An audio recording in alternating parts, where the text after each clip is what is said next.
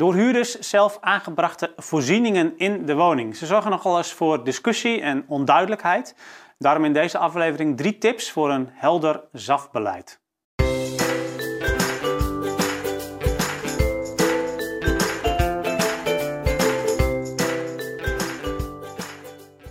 Ja, de zelf aangebrachte voorzieningen. Uh, ze zorgen dus nogal eens voor uh, discussie, voor onduidelijkheden, zowel bij huurders, maar ook binnen de corporatie. En uh, het is ook niet altijd duidelijk vanuit welke visie je dat, dat, dat SAF-beleid eigenlijk opstelt en of dat eigenlijk allemaal nog wel actueel is. Nou, drie onderdelen waarvan je in ieder geval zeker moet zijn dat je daarop let als je met SAF-beleid aan de slag gaat. En de eerste is eigenlijk, wees vooral heel, heel, heel duidelijk. En dan niet alleen over wat er wel en niet mag, hè, dat moet natuurlijk heel helder zijn, maar ook hoe regel je dat? Hè? Dus hoe zorg je er ook voor dat mensen niet zomaar aan de slag gaan, maar dat ze weten van oké, ik volg deze stappen, dat is helder en overzichtelijk. En dan weet ik ook van tevoren eigenlijk al of mijn aanvraag al dan niet wordt toegekend. En dat is belangrijk, zodat mensen ook daadwerkelijk het gaan melden en daadwerkelijk het gaan aanvragen. Uh, en check regelmatig ook of de vragen die uh, je collega's van de front krijgen van huurders, of die nog wel beantwoord worden in je SAF-beleid. want het kan best zijn dat dat natuurlijk ook in de tijd gaat verschuiven. En je ziet natuurlijk, um, in het verleden waren het misschien ook meer uh, ja, SAF-aanpassingen op het gebied van comfort, extra dingen in de keuken, allemaal dat soort zaken.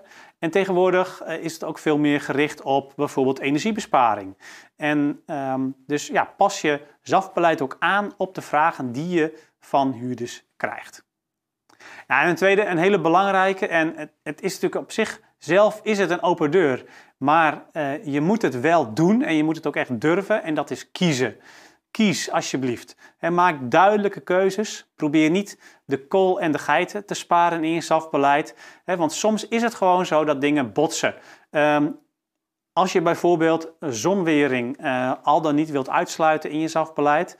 Ja, het ene, uh, uh, dus als je zegt van ja, we willen dat niet, want dat betekent extra onderhoud aan de woning, betekent dat de huur misschien omhoog moet, is niet goed voor de betaalbaarheid. Dus aan de ene kant betaalbaarheid, maar aan de andere kant ook klimaatadaptatie. Het wordt steeds warmer. Je wilt ook dat mensen prettig in die woning kunnen blijven wonen. Uh, ja, wat weegt dan het zwaarst?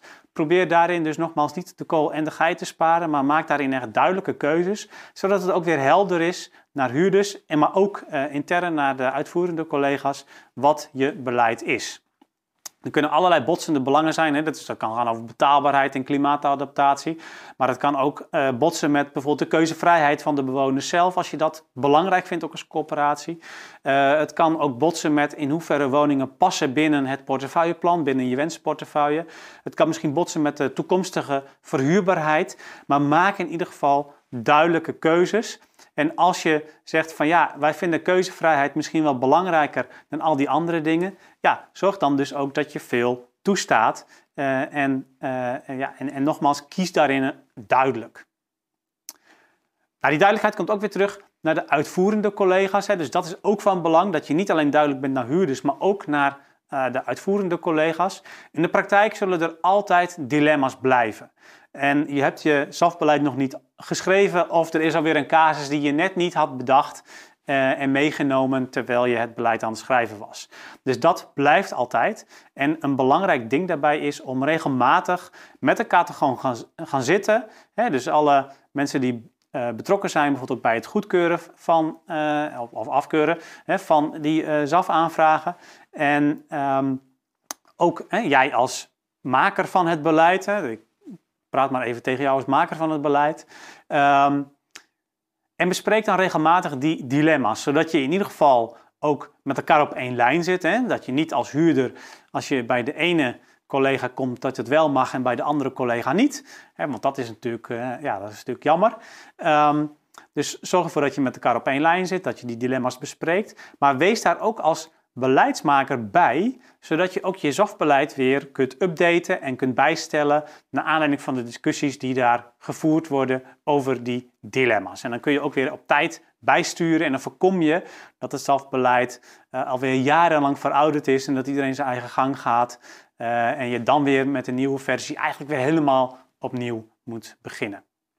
Ik wens je daar heel veel succes mee Ik hoop dat dat leidt tot duidelijkheid voor zowel huurders als interne collega's. En ehm, ja, nogmaals veel succes daarbij en graag tot een volgende aflevering. Doei!